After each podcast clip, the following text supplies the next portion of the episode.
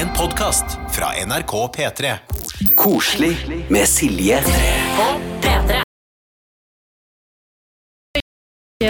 Nei, vet du hva. Det er lov Det er faktisk ikke lov. Sånn eh, Nei, så jeg vet ikke. Sånn som for eksempel Else Kåss Furuseth Hun kommer unna med å si jabba dabba doink. Men jeg føler Jeg vet ikke om jeg gjør det. Men vet du hva, vi skal ikke tenke så mye på det, hva man kan og ikke kan gjøre. Nå sa jeg nå det, og sånn ble det. Som ble det. Tusen takk for at du har lasta ned denne podkasten. Koselig heter den, det vet du jo. Men eh, poenget her, hvis du er spillerny lytter, er at eh, vi skal eh, fokusere på positive og fine ting. Det er akkurat det, og jeg skal fokusere litt på at du sa 'spillerny'. For det uttrykket elsker jeg. Men eh, det som, i det jeg sa det, så tenkte jeg egentlig bare spillernaken. For at det sier jo vi hvis noen er splitter naken, Ja. så sier man spillernaken. Ja, det gjør man. Ah, Jeg har ikke vært nordafor på veldig lenge. Uff, jeg får så lyst til å snakke om det. At, eh, men ikke siden, du har jo ikke vært der siden jul. Jeg har ikke vært der siden jul. Nei, Det blir jeg helt sjokkert over, Jakob. Jeg Ja. var nå der i august, men jeg har vært ei ukes tid i Trondheim. Eh, og det var embetets medfør som har ført meg dit, da. Og eh, eh, P3-aksjonen blant annet, eh, men også eh, en annen jobb som eh, også kommer på TV på sikt. Det trenger vi ikke å lage så mye oppstyr rundt. Men altså, hadde det ikke vært for det, så hadde jeg jo ikke reist. da. Vi gjør jo ikke det nå for tida. Nei, det gjør vi. Stort sett, hvis man ikke må. Men veldig deilig å røre litt på seg, altså. Jeg får litt nye impulser. Det skal ikke mer til enn Trondheim altså, før man føler at man virkelig har fått rørt litt på seg. Du har jo kjæreste i Bergen. Hvordan går det der, egentlig? Eh, altså, eh, å si at jeg er avstandsforholdets eh, store forkjemper, det eh, vil ikke medføre riktighet. Nei. Men eh, vi får det til å funke. Så deilig. Man må Ja, se på det på positiv side. Det er det man må gjøre, vet du. Det er det vi gjør her. Velkommen, kjære lytter, til uh, Koselig-podkasten. Vi skal straks fortelle deg litt om hva som foregår i dagens episode. Men først skal vi høre ferdig denne lille sangen. Og der var den ferdig. Koselig på P3. I dag så har vi hatt eh, Vi har fokus i sendinga på eh, litt unge folk. Ja, Som har virkelig klart å um, utrette store ting tross sin unge alder. Og det, med, og det kan man jo noen ganger se på som sånn um, at man på en måte kan velge å ta det som noe negativt. Sånn, når de får til det, så burde jeg ha kommet mye lenger. Men det er liksom litt poenget i dag, det at vi skal ikke tenke det, Nei. men heller bli inspirert og uh, imponert. Ja. Vi har uh, ei dame som uh, Altså, vi får besøk av ei uh, dame som heter eller, Dame eller jente? Jeg vet ikke hva hun kaller seg sjøl. Jeg kaller jo meg sjøl jente, og jeg er jo 35 år. jeg, jeg skal være gutt til minst 60. Ja, ikke sant? Ida Johanna Årås, uansett, hun er ungdomscoach og foredragsholder, og hun lever av det. Mm. Altså, hun lever av å fære rundt og snakke til folk, og hennes foredrag heter Bra nok for faen. Mm. Eh, og det handler rett og slett om eh, hva man skal gjøre for å føle seg bra nok. Og det skal vi dyppe litt inn i eh, det temaet der i dag med eh, Ida.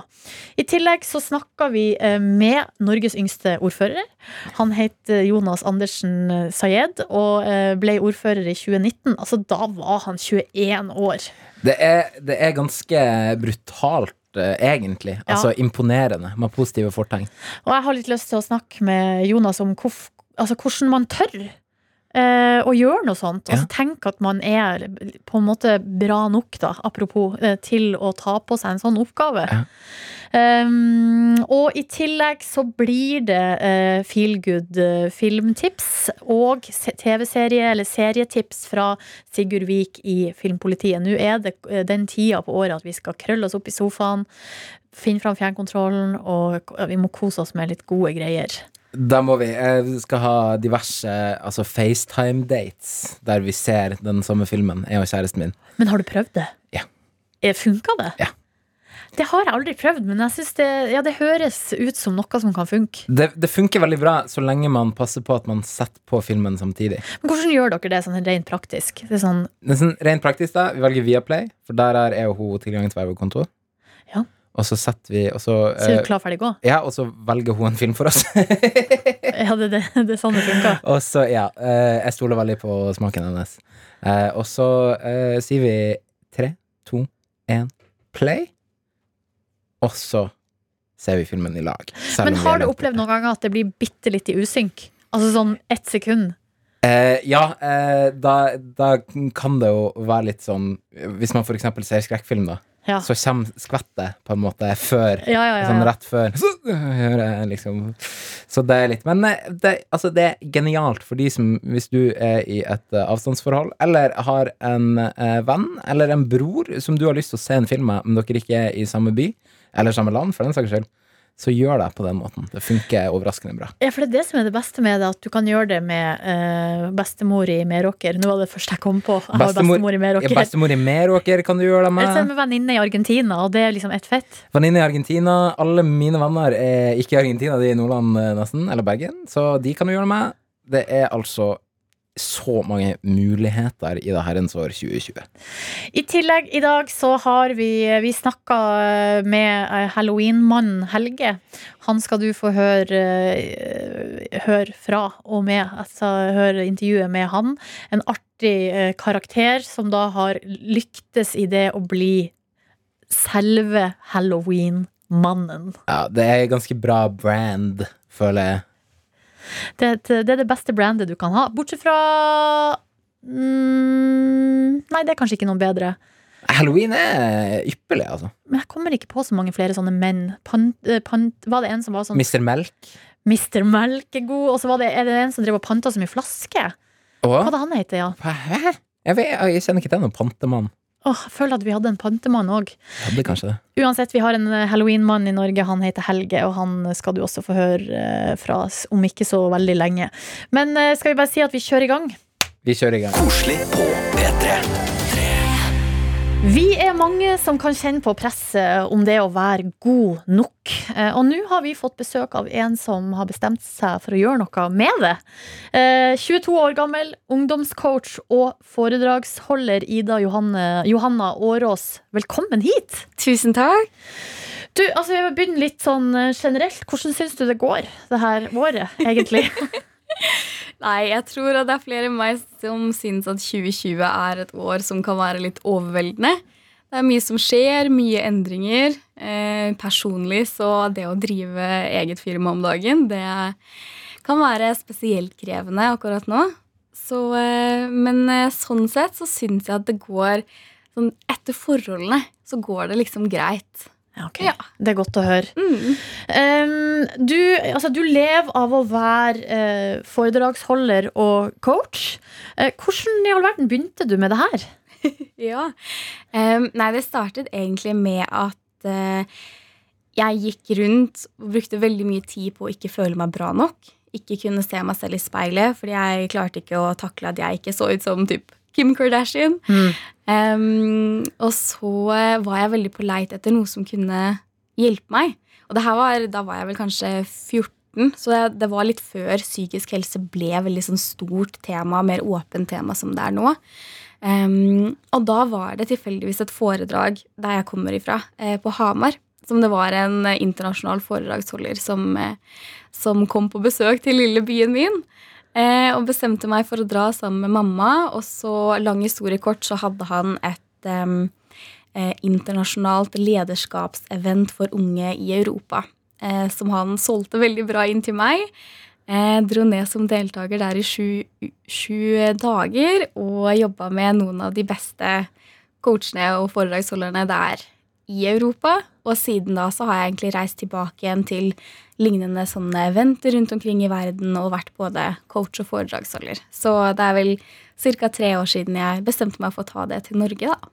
Ja. Og, for, og, så, og så bare gønna du sånn Det her skal jeg leve av. Ja, altså jeg tenkte at uh, det, nå har jeg muligheten, ikke sant? Før man får barn og huslån og hele pakka. Så tenker jeg at nå, så, nå kan jeg faktisk gunne på å, å satse med begge beina.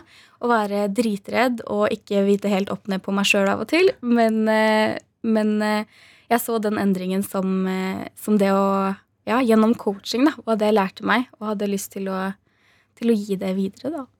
Men du snakka mye med ungdom.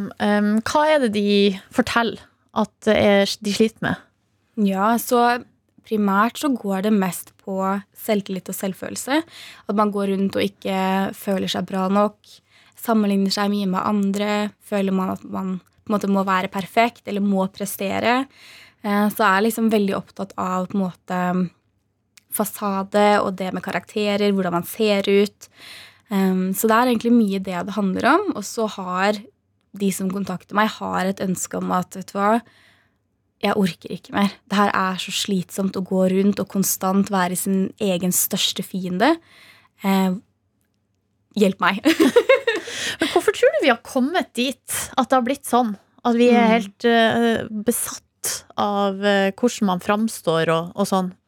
ja, det er et veldig godt spørsmål. Jeg tror at det er, det er et veldig komplekst uh, spørsmål, men jeg tenker at noe av det viktigste her kan kanskje være Én ting er det med typ sosiale medier, som gir oss plutselig en mulighet til å fremstå veldig perfekt. og en sånn at eh, Det gjør det mye enklere for oss å sette opp en maske og ha den fasaden som man kanskje, liksom, hvordan man kunne ønske at folk så en.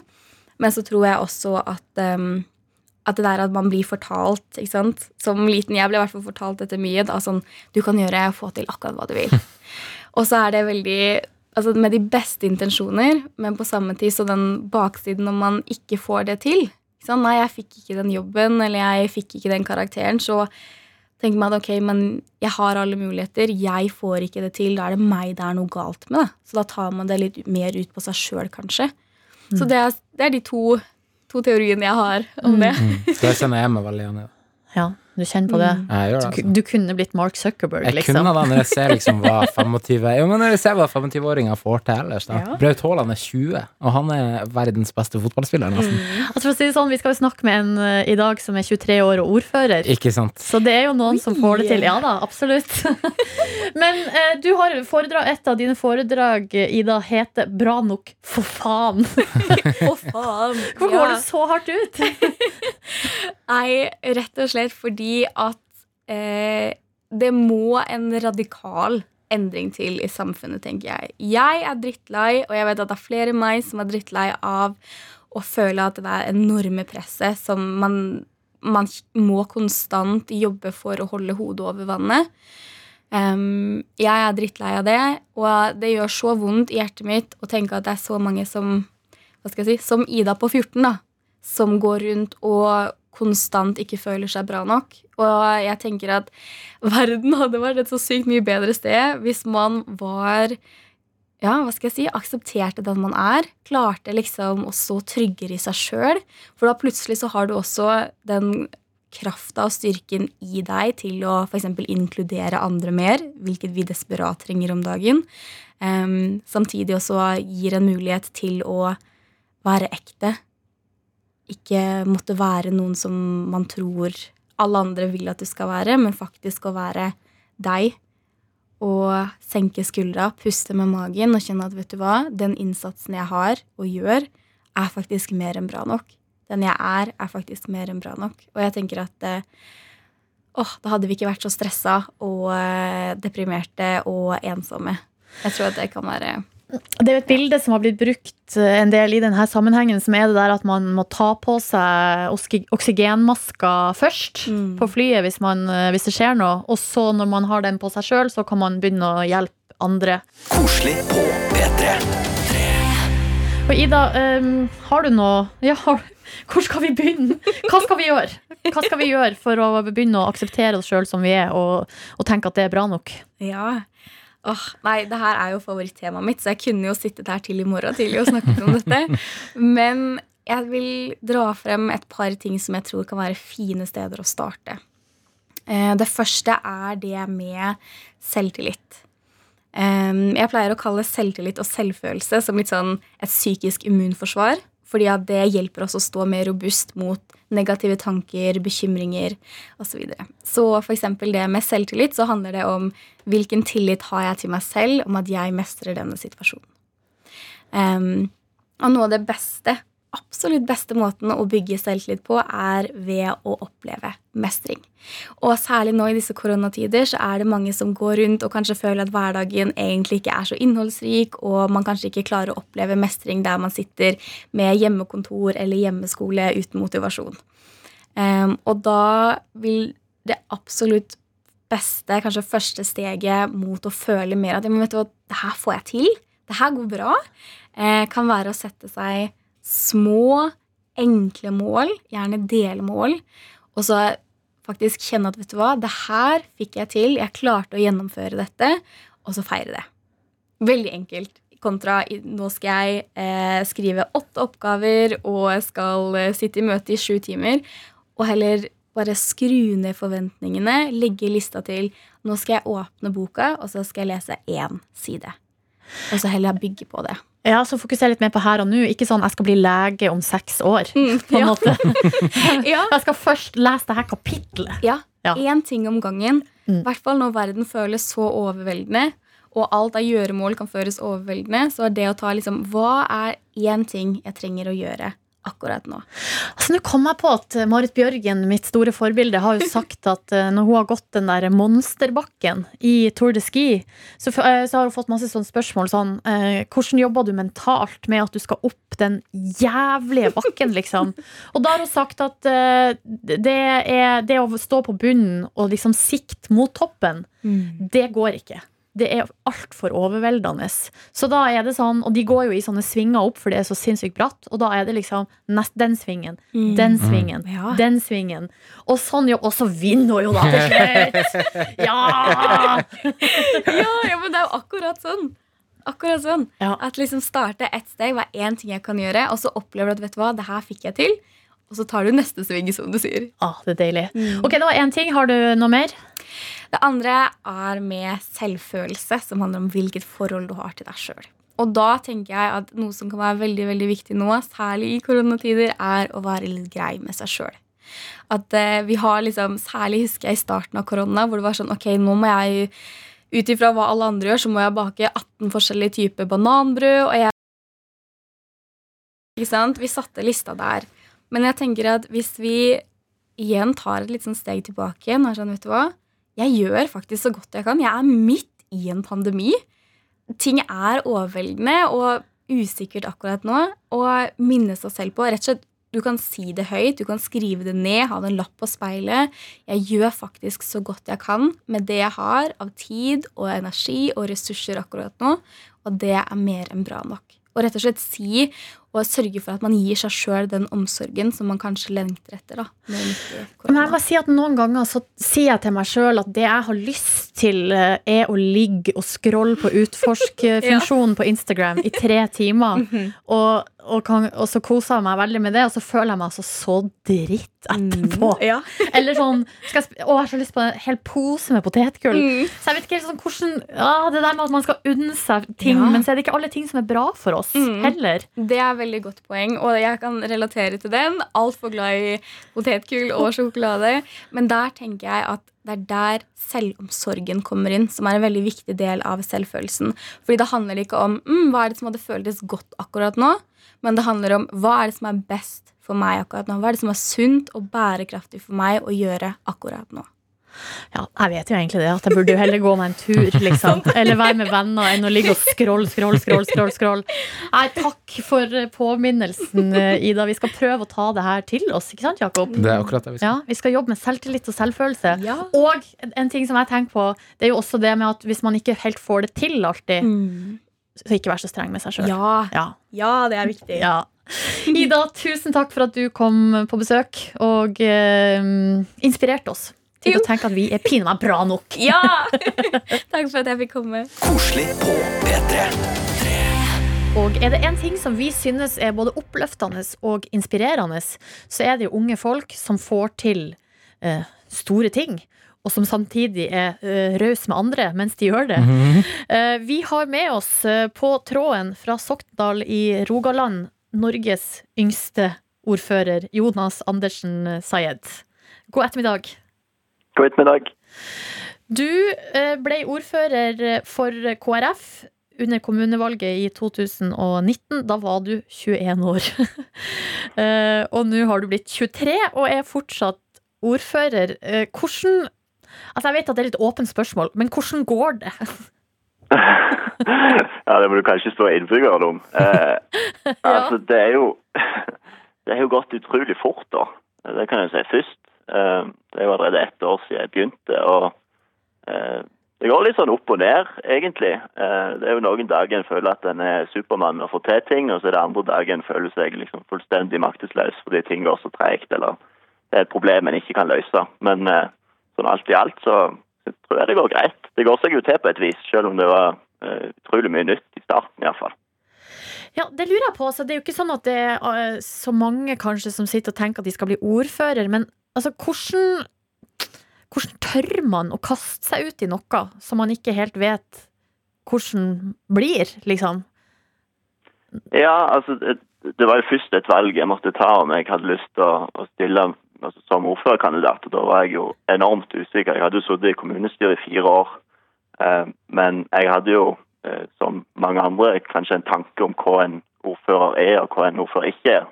Ja, når jeg så på meg sjøl, så eh, tenkte jeg vel kanskje at er ordfører det, ja, kanskje om, om 20-30 år, men iallfall ikke i dag. Men eh, de var jo ganske eh, de prøvde å overtale meg da, og han som var ordfører i kommunen i sist periode, han var jo veldig på at han trodde at jeg hadde det som skulle til. Og de helt eldste i partiet, det var jo egentlig de som pusha mest. Så sa jeg ja til å stille, og så tenkte jeg jo at ja, ja, men da, når det kommer til valget, så, så innser jo innbyggerne i Sokndal at det kanskje ikke Kanskje ikke han unge eh, ja, var noe å satse på. Men så gjorde de det likevel, og vi ble siste parti, og jeg fikk jo en hel haug med personstemmer. Så, det gikk det seg så til. Men har du noen tips om hvordan man liksom kan jeg vet ikke, ha, få liksom tru på seg sjøl til å sette seg store mål? Nei, Det hjelper jo eh, først og fremst å være grundig. Altså det eh, På en måte ærlig på det en, det en kan og ikke kan. Jeg har jo vært ydmyk helt, ifra, altså helt i valgkampen og også det første nå på at det er mange ting jeg ikke kan. Men jeg har iallfall lyst til å, å gjøre så godt jeg kan og sette meg inn i saken og ikke måtte ha forutinntatte meninger om forskjellige ting. Og det opplever jeg at folk syns det er bra. At det liksom ikke var sånn, selv om jeg har mye jeg ønsker å få til, at jeg ikke kom liksom første dag på, på rådhuset og sa til alle at nå må dere slutte å drive på med alt dere gjør og høre på hva jeg sier. Eh, på en måte prøve å finne en balanse der. Men eh, sånn alt i alt så har på en måte alderen ikke vært et sånn issue etter at jeg begynte. Jeg er liksom ordfører i Sokndal, og så har det jo selvfølgelig blitt litt oppmerksomhet utad. Og det er jo, jeg merker jo når jeg er på konferanser og sånn at det er jo en del som vet hvem jeg er plutselig. Det er jo uvant. Ja. Føler du at folk tar deg alvorlig? Eh, Ja, i det store og det hele, og iallfall i kommunen. Altså Her er jeg jo ordføreren. Eh, og så må jeg kanskje innse at utover kommunegrensen er jeg kanskje en unge ordføreren. Men, eh, men, men i Sokndal så er jeg ordføreren, og det er jo eh, liksom en total omveltning fra den ene dagen å være en som ikke på en måte prøver å stikke hodet så langt fram til. og ja, altså hver, hver tur på butikken er jo eh, ja, det er liksom Når du har vært en lang dag på kontoret Ja. og bare skal inn og kjøpe melk, eh, og så treffer en jo folk på, på butikken som skal ta opp store og små ting, og en må jo si hei til alle og, og litt sånn, men det, det, det går seg til. Men du, eh, altså det skapte jo overskrifter da du tok over eh, ordførerkjedet, da, at du sa fra deg to, eh, 150 000 kroner av ordførerlønna di.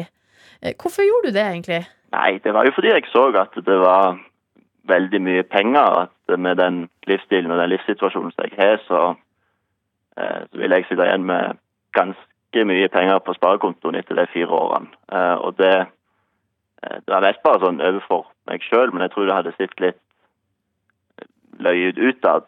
For det var jeg jo tydelig på hele valgkampen, og det er jo sånn på en måte jeg har lyst til å bli eh, beskrevet som, som folkevalgt. At jeg ikke er ordfører for å tjene meg sjøl, men for å tjene innbyggerne. Og med å gjøre det som jeg gjorde, så opplever jeg jo at det er jo ingen som på en måte stiller spørsmål med motivasjonen min. Og det er ganske digg å kjenne på, iallfall. Eh, og så fikk vi jo gjort mye kjekt med de pengene jeg sa ifra meg òg, så det var jo selvfølgelig en del av motivasjonen. Ja, hvilke formål er det pengene har gått til? Ja, det var jo sånn når jeg gikk ned 250 000 i lønn, så frigjorde det altså 400 000 pga. arbeidsgiveravgift og pensjon og litt sånn.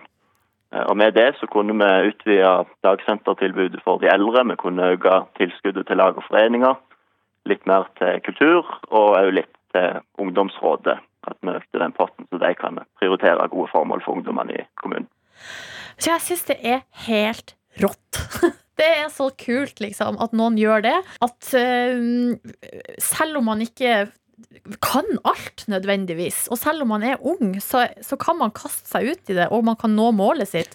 Og da kan man meg bruke den makta, sånn som du har gjort, til å si fra deg penger, og så kommer det innbyggerne til gode. Nei, det syns jeg er så kult, altså. Det er bra jobba. Jo, vi gjør så godt vi kan. Så er det jo tre år igjen, og så får vi se hva som skjer da. Det er jo sikkert alle innbyggerne er like godt fornøyd med innsatsen heller, men eh, Men du, tusen takk for at du var med på tråden. ja, det var bare å skoie. Lykke til videre med ordførergjerningen. Koselig på P3.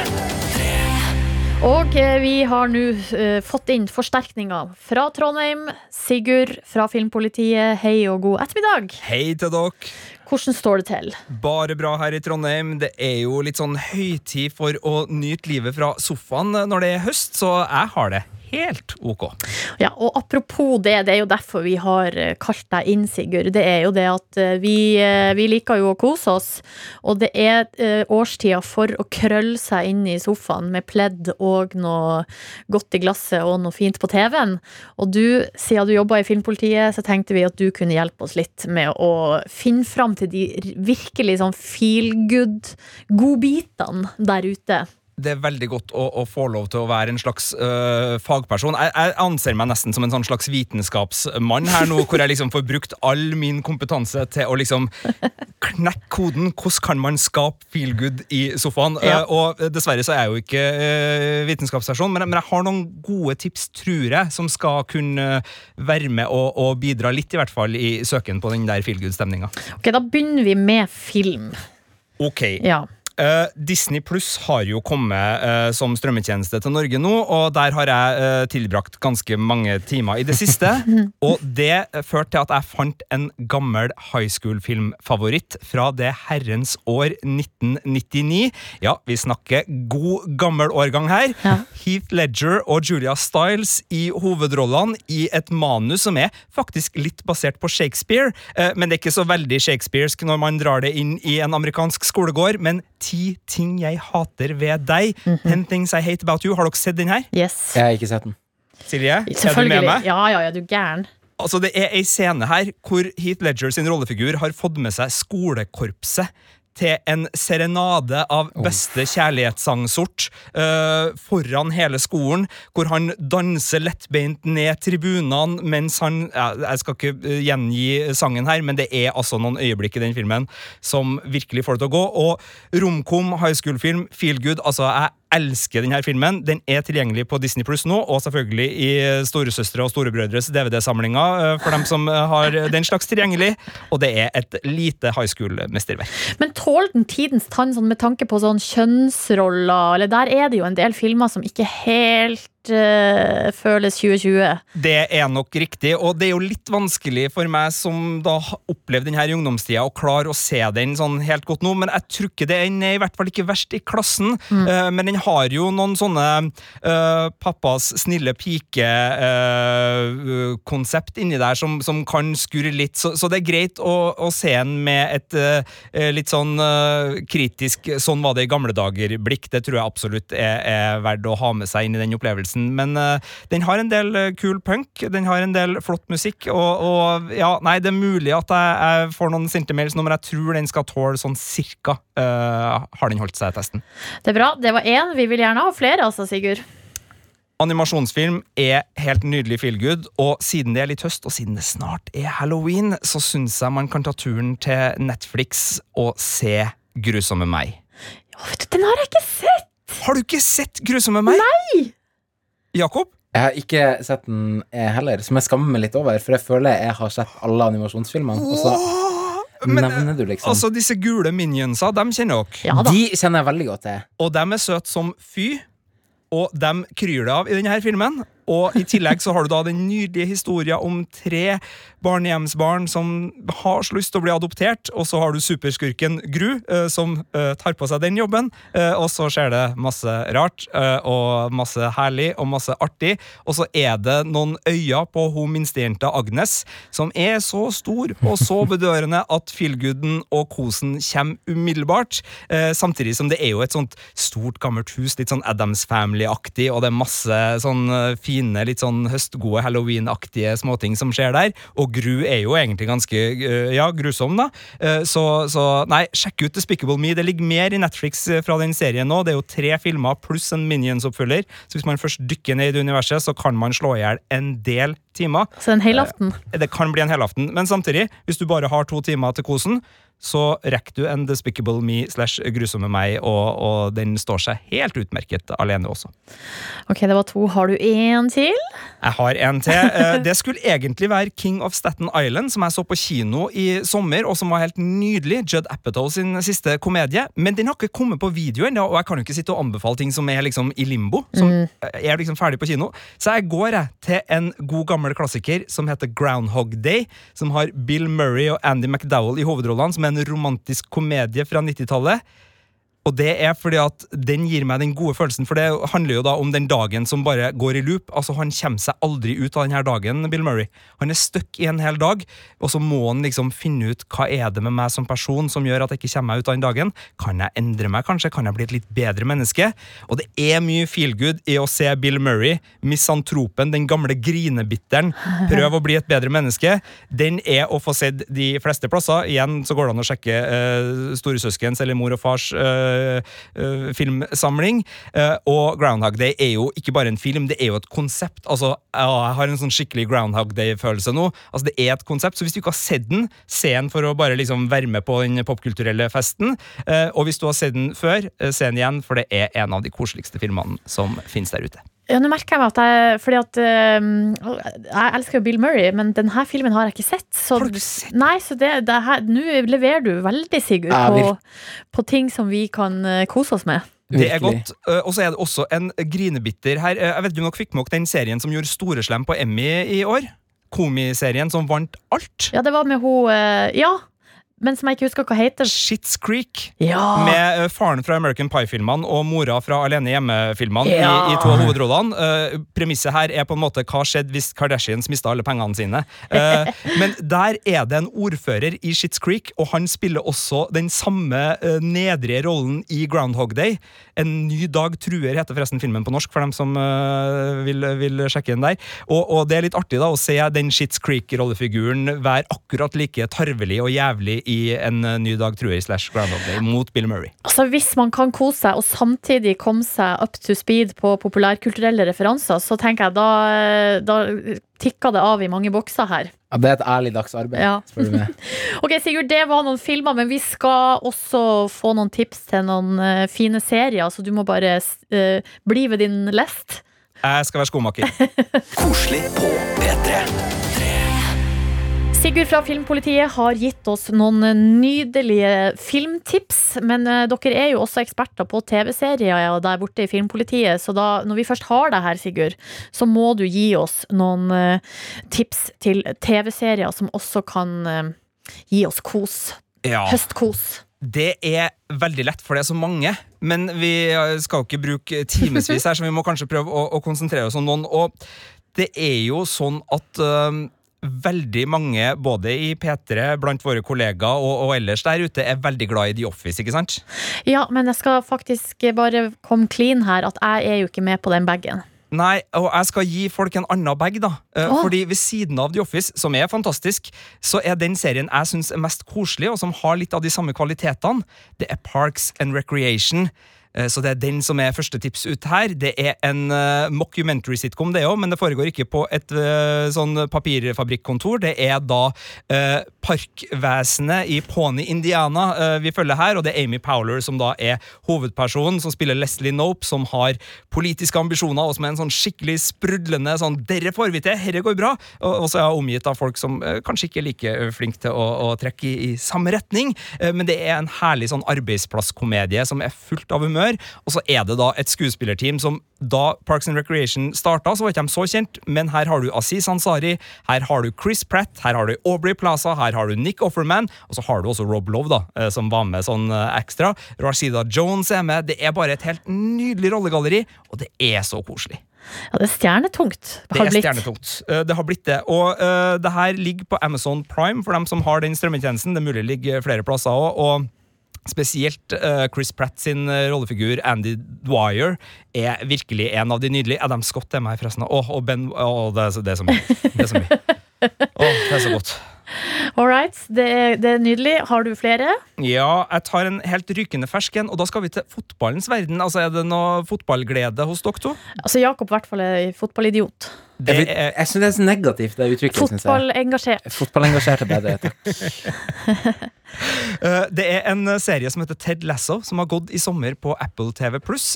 som er da en komiserie satt til engelsk Premier League. Eh, Det er en eh, rollefigur som spilles av Jason Sudakis, og den kom egentlig fra eh, en reklamefilm som NBC laga da de skulle ha rettighetene til Premier League for noen år siden, og så har den nå blitt utvikla til en egen komiserie. Og det er skaperen av Scrubs som står bak det her, altså sykehuskomedien Scrubs. Ja, Da sier snakker vi, Silje. «Åh», ja, da snakker vi. Da snakker vi. Og det er litt den lune, gode humoren. Og så er det da satt til et nedrykkstrua lag i Premier League som er fiktivt, som heter Richmond. Og så er det da masse britiske stereotypier, det er masse kulturforskjeller, for det her er da en amerikansk trener som ikke kan noe om engelsk fotball, som snubler inn i jobben sin. Eh, Det er masse sånn Å, jeg elsker pub. Altså serier som har en god pub. Altså How I Met Your Mother har en god pub. Ted Lasso har også en god pub, og det er så koselig å henge på puben. eh, I hvert fall sånn før folk blir krangleboren og, og, og alt det der. Eh, og, og Ted Lasso leverer der. Så alle fotballfrelste bør sjekke ut eh, Ted Lasso på Apple TV pluss, altså. Men jeg har ett kjapt kontrollspørsmål. Fordi yep. Scrubs, sånn som jeg husker det, kunne jo være tidvis ganske trist. Ja, det var et vemod i det, men det var jo fordi den eh, foregikk på, på sykehuset. Og det er litt sånn eh, vemod i den her òg. Det er blant annet en nydelig scene hvor Vampire Weekend sin Harmony Hall får lov til å lydlegge når det liksom har gått skikkelig skikkelig tungt i en eh, fotballkamp, og, og det har skjedd en del på privaten og sånn.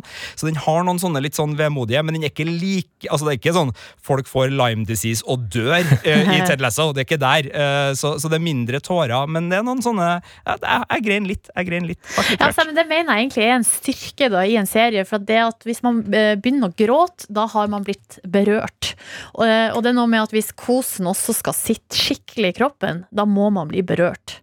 Og så er det jo godt med en good cry Ja, det, innimellom. det er helt, helt riktig. Det er sjelrensende og, og nydelig, og jeg er helt enig i, i alt det der. Så, så den, den, øh, den har litt det der. Men, men øh, altså, Scrubs var jo sniktips her, som dere fikk med dere. Altså, jeg tipsa jo egentlig også om Scrubs. Ja, det stiller jeg meg i hvert fall bak. Oh, nei, men oh, Sigurd, tusen takk. Jeg merka jo at vi eh, Ja, vi kunne jo ha snakka om TV-serier og film eh, ja, hele tida. Du burde få din egen podkast, Sigurd. Det er et kjempegodt tips. Jeg skal se hva vi kan få til der, så sjekk ut Filmpolitiet sin podkast. Det er en ganske fersk episode der der jeg og Marte snakker mer om Ted Lasso og andre ferske serier som vi digger. Så, så det er bare å gå i appen NRK Radio og, og grave litt, ass.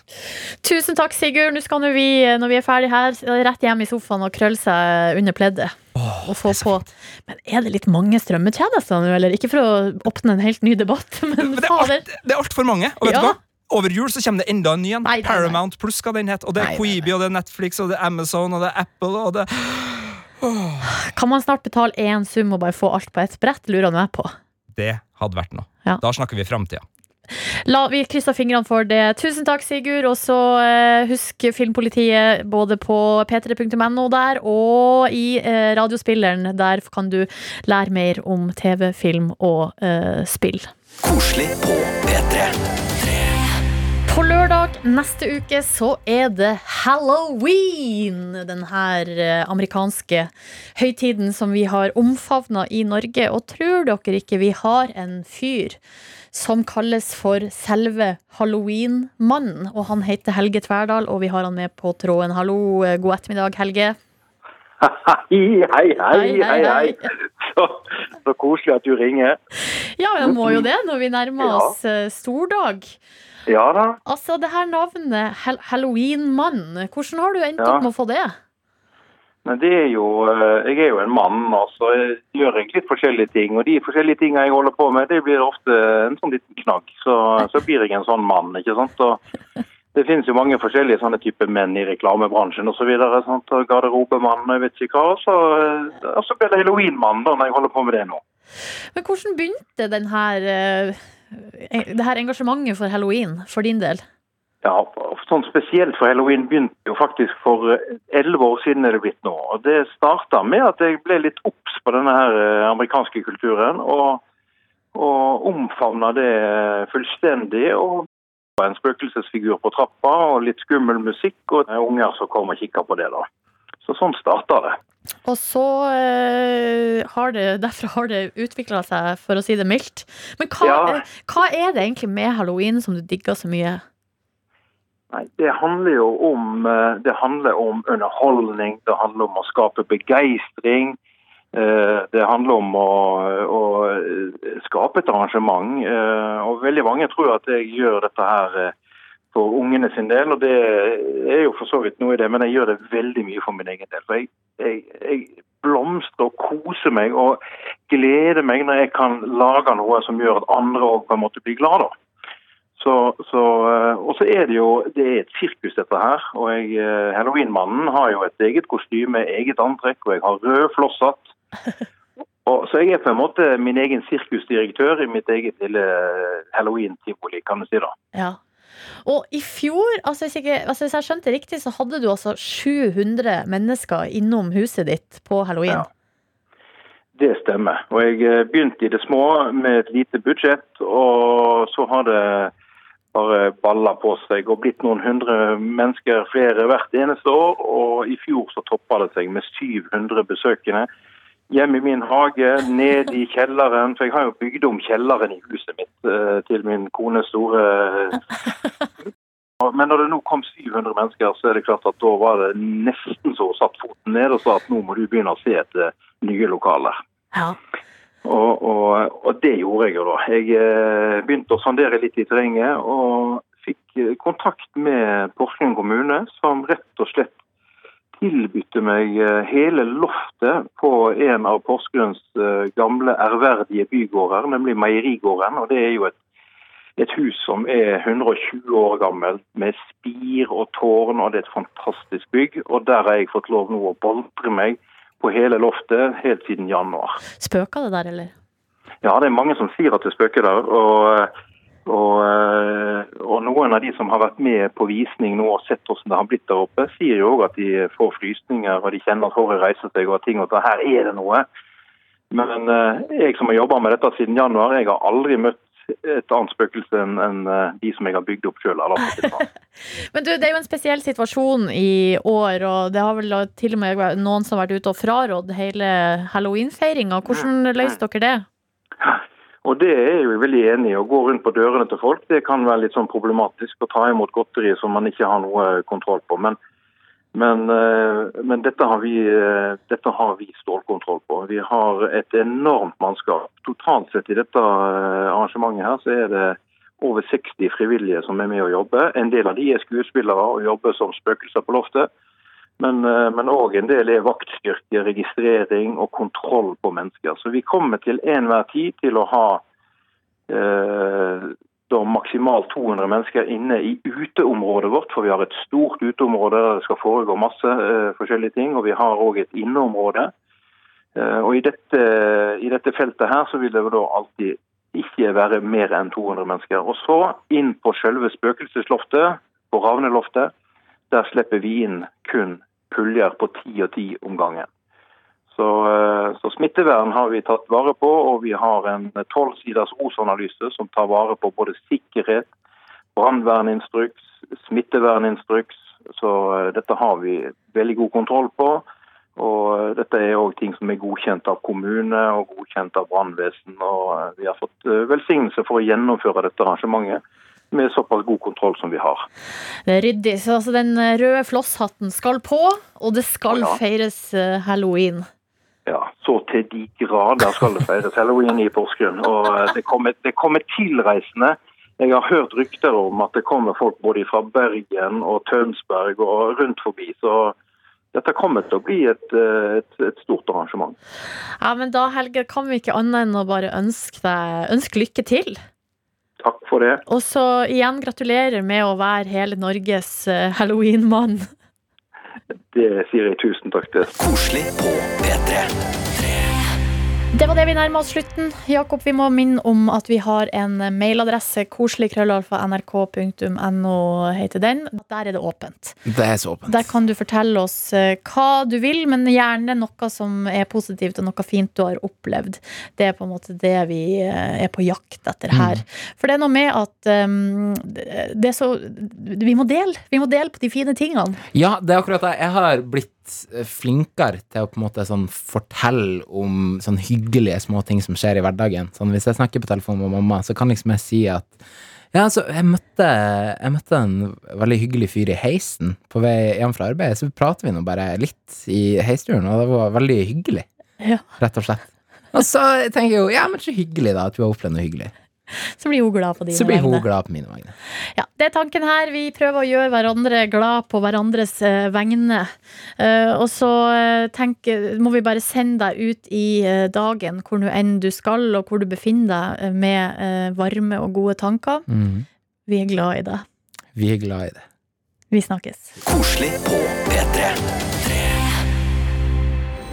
Du har hørt en podkast fra NRK og P3. Hør flere podkaster i appen NRK Radio.